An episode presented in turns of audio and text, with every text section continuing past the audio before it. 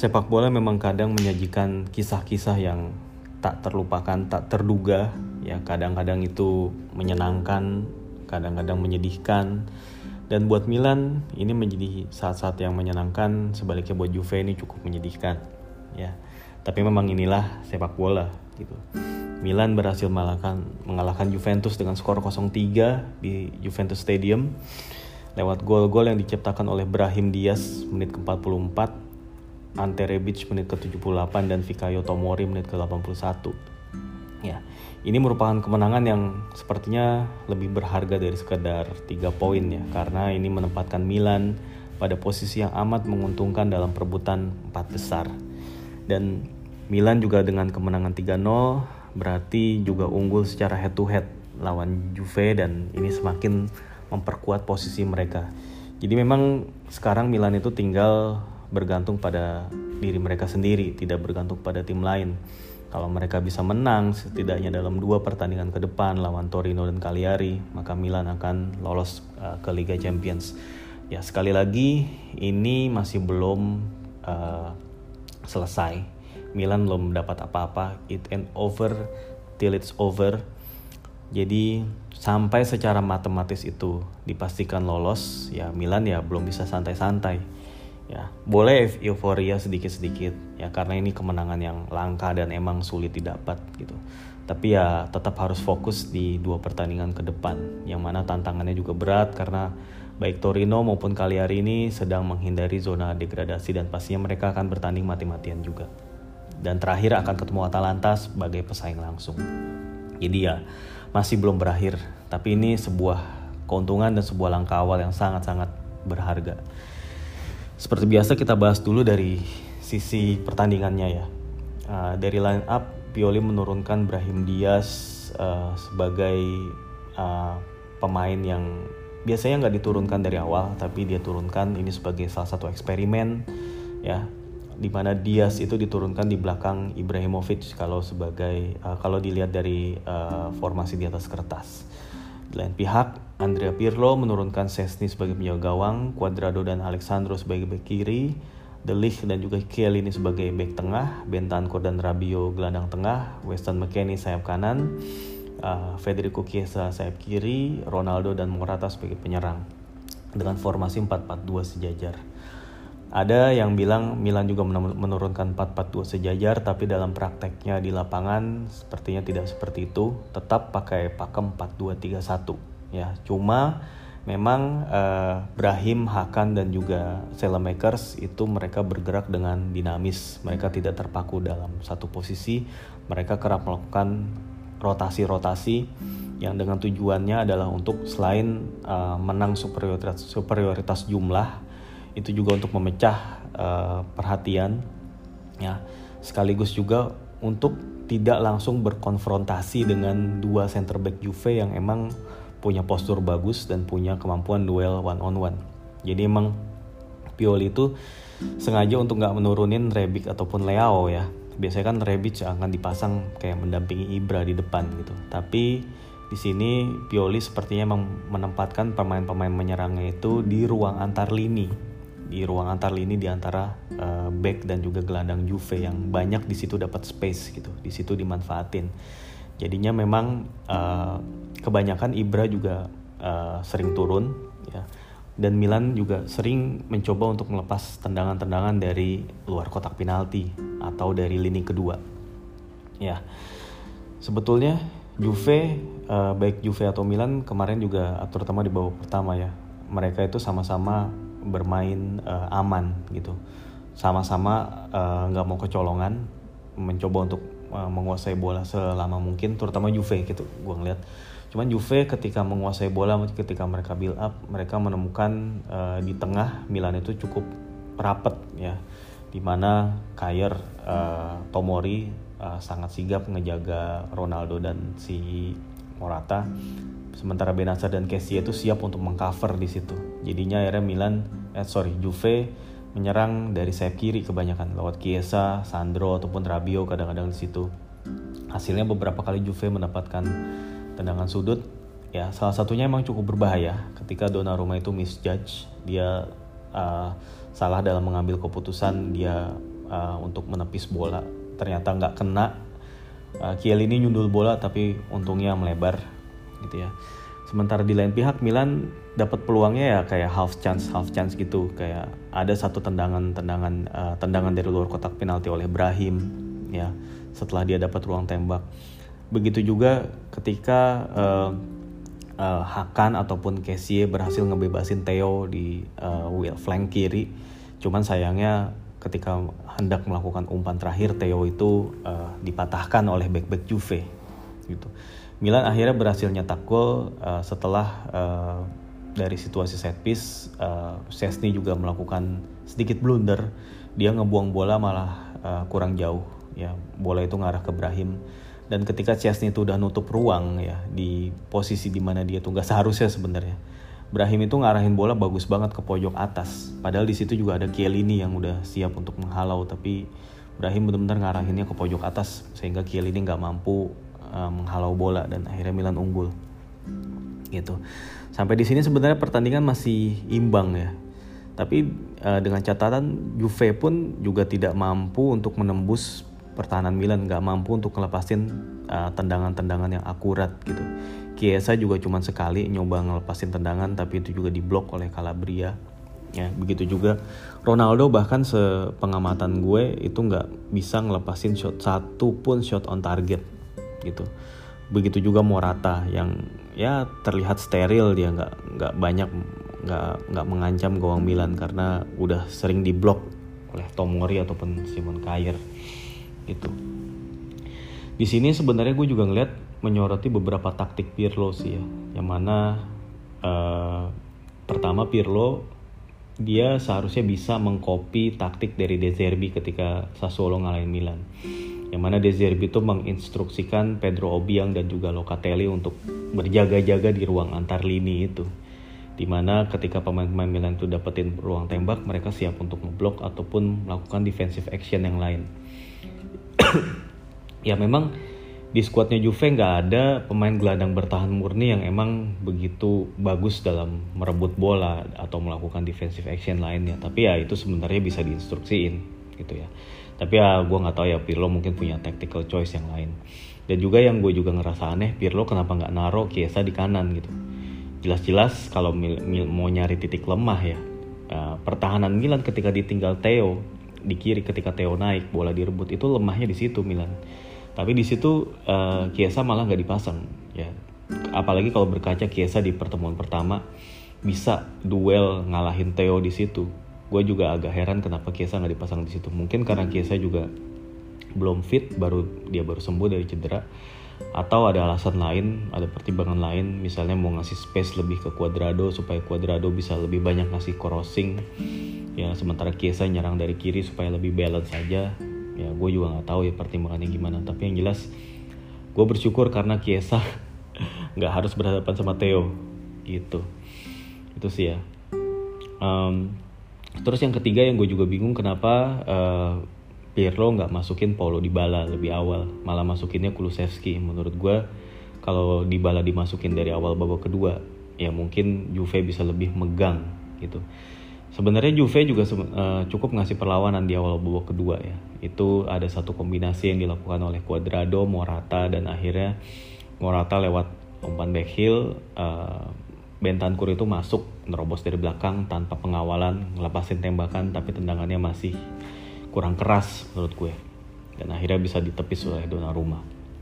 Nah setelah itu sebenarnya Milan juga uh, masih sama uh, approachnya masih cautious juga gitu. Masih belum terlalu ngepres abis gitu maksudnya. Tapi Milan itu melakukan kombinasi-kombinasi yang cukup efektif antara Brahim, uh, Hakan dan juga Ibra dan juga Selemakers gitu ya dan juga Kessie yang kadang-kadang naik Ya salah satunya uh, Brahim berhasil lolos uh, ngelepasin tendangan tapi tendangannya sebenarnya tendangannya ngarahnya jauh gitu tapi kena tangannya Chiellini. Sayangnya tendangan penaltinya Kessie itu berhasil ditepis dengan baik oleh Sesni. Ya, tadinya gue udah takut bahwa wah ini bisa jadi turning pointnya Juve nih. Ya, artinya dengan berhasil ditepisnya penalti ini uh, game ini harusnya uh, jadi dipegang Juve karena pemain Juve harusnya punya uh, suntikan moral yang sangat berharga dari situasi tersebut. Tapi nyatanya uh, pemain-pemain Juve pun nggak bermain dengan baik. Ya, gue bisa bilang pemain Juve nggak bermain baik. Seperti halnya ketika mereka lawan Udinese minggu lalu, di mana ketika itu mereka benar-benar butuh ke briliannya Cristiano Ronaldo aja, individual brilliance dari Ronaldo untuk bisa ngalahin uh, Udinese. Tapi ini nggak terjadi. Ya, ketika lawan Milan ini uh, Ronaldo nggak tampil seperti biasanya. Begitu juga Chiesa yang mungkin karena faktor baru sembuh dari cedera. Kulusevski juga nggak oke, okay. kemarin biasa-biasa aja. Ya, Dybala sebenarnya lebih oke, okay. uh, tapi dia di, baru dimasukin di uh, pas kedudukannya uh, 2-0 masalah. Nah pas golnya Rebic ini sebenarnya ini juga uh, ada andil dari Benacer yang memberikan assist. Dia melihat ruang yang kosong di situ. Sebuah passing yang sangat-sangat akurat yang bagus dari Benacer. Dan Rebic ngelepasin tendangan yang super akurat ke pojok atas. Itu emang bola sempet deflected dikit ke kakinya Chiellini tapi itu emang udah tendangan yang bagus ya terlepas dari itu deflect ya dan akhirnya dari tendangan Rebic itulah sebenarnya uh, bisa dibilang per, perlawanan Juve itu tamat sih dari tendangannya Rebic ya. Abis itu Juve nggak nyaris nggak nggak bisa ngasih perlawanan ya dan akhirnya Milan berhasil nyetak gol Tomori. Itu Tomori luar biasa banget. Dia lompat uh, apa namanya mengalahkan Chiellini. Ya, itu bisa jadi gambar yang ikonik juga tuh kalau di foto. Itu dia melepasin sundulan bolanya sundulannya mantul dulu ke tanah dan baru nyetak baru akhirnya masuk ke gawangnya Juve. Wah itu keren banget menurut gue sumpah itu keren banget. Uh, lompatan yang bagus dari Tomori ya. Dan akhirnya itu menjadikan Milan unggul 0-3 ya. Emang hasil ini ya, dipengaruhi ya. Milan emang mainnya fokus banget. Dibilang Milan main bagus banget juga ya apa ya nggak juga. Milan pernah main lebih baik dari ini sebenarnya ya cuman memang Milan lebih sabar mainnya lebih klinis saja yang yang gue soroti Milan lebih klinis ya. Ada perbaikan yang sangat sangat signifikan dari sisi finishing. Itu gol-gol kemarin itu gol-gol yang gak gampang semua. Brahim itu bukan bola gampang Rebic apalagi. Tomori juga itu gak gampang bisa menang duel lawan Chiellini. Itu bukan gol-gol yang gampang tapi sebetulnya itu juga bukan lahir dari set play yang rapi gitu. Emang Milan perlu untuk nyetak gol kayak gini nggak perlu Milan itu nyetak gol lewat set play set play rapi gitu. Jadi ya cukup uh, sekali cek tendang sekali gue cek tendang gitu aja. Mereka harus lebih ruthless gitu. Lebih lebih mematikan lagi gitu di depan gawang lawan. Itu sih yang sebenarnya gue cari dari performa Milan. Dan ini emang sejalan dari expected goals ya. Ketika gue tengok daftar expected goals itu Milan itu jumlah gol yang diciptakan itu uh, berada di bawah dari jumlah expected goals mereka. Artinya gini, uh, Milan itu memperoleh peluang lebih banyak daripada mereka bisa actually nyetak gol gitu. Jadi seperti yang pernah gue bilang, Milan tuh kayak butuh 3 atau 4 peluang bersih yang bagus baru bisa nyetak gol. Tapi ya problem ini kemarin ya di pertandingan lawan Juve ini bisa teratasi gitu. Nah, ini mungkin lebih ke mental sih. Pemain-pemain Milan emang udah benar-benar siap secara mental dalam pertandingan ini. Ibra begitu bersemangat. Ibra walaupun palanya bocor dan juga dengkulnya sakit, dia masih menyemangati teman-temannya. Dia juga yang memimpin tim talk di lapangan. He's the real leader of this squad gitu, this young squad gitu. Ya, emang ini ada banyak hal-hal yang menarik juga di pertandingan ini. Gua ngelihat Manjukic yang senyum-senyum ketawa-ketawa sama Romagnoli pas golnya Rebic. Wah itu ya epic juga sih itu ya. Terus ya Tomori ya itu kelihatan banget dia girang banget waktu dia habis ngegolin. Begitu juga Brahim. Ini emang kebersamaan tingkat kebersamaan dari tim ini lagi bagus-bagusnya. Dan inilah emang sikap yang dibutuhkan gitu menjelang uh, fase-fase yang menentukan dari kompetisi. Ya ya kurang lebih sih itu aja gue nggak mau panjang lebar untuk uh, nyampein karena ini gue juga menyampaikannya dalam uh, sambil gue kerja juga. Ini banyak interruption dari tadi. Gue sebenarnya udah pengen bikin konten ini dari tadi tapi ya karena banyak gangguan banyak telepon masuk atau ada panggilan-panggilan ya akhirnya nggak jadi nggak jadi gitu. Baru sekarang aja gue buat gitu. Laga sisa Milan akan menghadapi uh, Torino di Turin, Cagliari di San Siro dan Atalanta di Bergamo. Sementara pesaing lain Juve akan menghadapi Sassuolo uh, di kandang di Emilia Romagna, lalu kemudian Juve menjamu Inter ya di Juventus Stadium dan terakhir Juve akan ketemu Bolonya di Renato Dell'Ara. Ini jadwal yang menurut gue nggak bisa diremehkan juga, cukup berat. Artinya sebenarnya kalau Juve drop point lawan Sassuolo dan Inter, ya sementara Milan menang satu aja, ya Milan udah bisa memastikan lolos ke Liga Champions. Terlebih kita, Milan juga masih nunggu Lazio. Lazio juga sebenarnya poinnya 64 kalau mereka bisa ngalahin Torino dalam partai tunda, poin mereka 67. Berarti selisih 5 dari Milan. Tapi mereka uh, juga dengan syarat mereka harus bisa ngalahin Parma, ya yang mana itu bisa gampang lah ngalahin Parma. Tapi habis itu mereka harus uh, derby della Capitale lawan Roma. Ya, bisa aja mereka ini drop point kalau mereka ya. Lazio ini syaratnya mereka harus sapu bersih baru bisa empat besar. Ya, tapi mereka ada derby della Capitale dan mereka harus ketemu Sassuolo di pekan terakhir yang mana gue cukup yakin Lazio akan adalah drop point. Jadi emang pesaing Milan tuh uh, tinggal Juve. Jadi uh, sambil berharap Milan itu tentunya ya Milan tetap harus fokus menang gitu mengalahkan Cagliari dan Torino gitu tapi juga bisa berharap dengan kejatuhan Juve ketika bertanding lawan Sassuolo dan Inter sehingga ya Milan bisa lebih cepat memastikan kelolosan Liga Champions sebelum uh, tandang ke Atalanta. Jadi ya mudah-mudahan dalam kondisi tandang ke Atalanta itu udah lolos gitu. Jadi nggak perlu uh, melakukan partai hidup mati gitu lawan Atalanta di Bergamo. Ya, itu aja sih harapannya. Ya. Um, ya udah sebelumnya gue juga terima kasih pada teman-teman ya gue sebelum pertandingan uh, melakukan uh, diskusi ringan di Twitter Space bersama Bang Rival dari Milanis Indonesia dan beberapa kawan lain. Terima kasih udah mengutarakan pendapat-pendapatnya, opini-opininya soal pertandingan lawan Juve, soal Donnarumma, soal Hakan Calhanoglu dan lain-lain gitu, soal peluang empat besar dan lain-lain. Itu sangat menarik.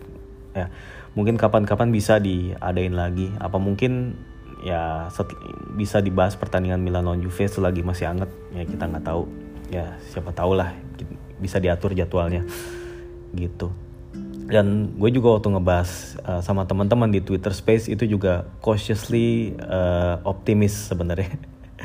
sebenarnya ada rasa optimisme tapi ya masih berhati-hati gitu. Terlepas dari kondisi yang buruk, ini we're talking about Juve gitu. Juve itu adalah tipe lawan yang selalu bisa biasanya ya mereka itu keluar dari kesulitan gitu. Jadi semakin besar kesulitan ini dapat, biasanya semakin hebat kemampuan mereka untuk bisa keluar dari kesulitan itu. Itu ya salah satunya ya momen di mana mereka waktu itu nyaris kesalip sama Napoli. Mereka kalah di kandang lawan Napoli. Tapi habis itu mereka malah jadi merebut Scudetto. Mereka salah satunya ngalahin Inter di Giuseppe Meazza. Jadi artinya Juve tetaplah Juve dengan pemain-pemain bintang mereka gitu. Tapi ya kemarin ya ternyata Milan lebih cerdik mainnya uh, Milan bisa manfaatin kesalahan-kesalahan yang dilakukan oleh pemain-pemain Juve dan Milan juga berhasil manfaatin uh, tumpulnya penyerangan-penyerangan Juve gitu aja. Oke, okay, uh, eh, gue sudahi dulu uh, episode kali ini. Ya, mohon maaf kalau kurang berkenan dan makasih udah ngedengerin. Sampai ketemu lagi dalam episode-episode selanjutnya. Ciao.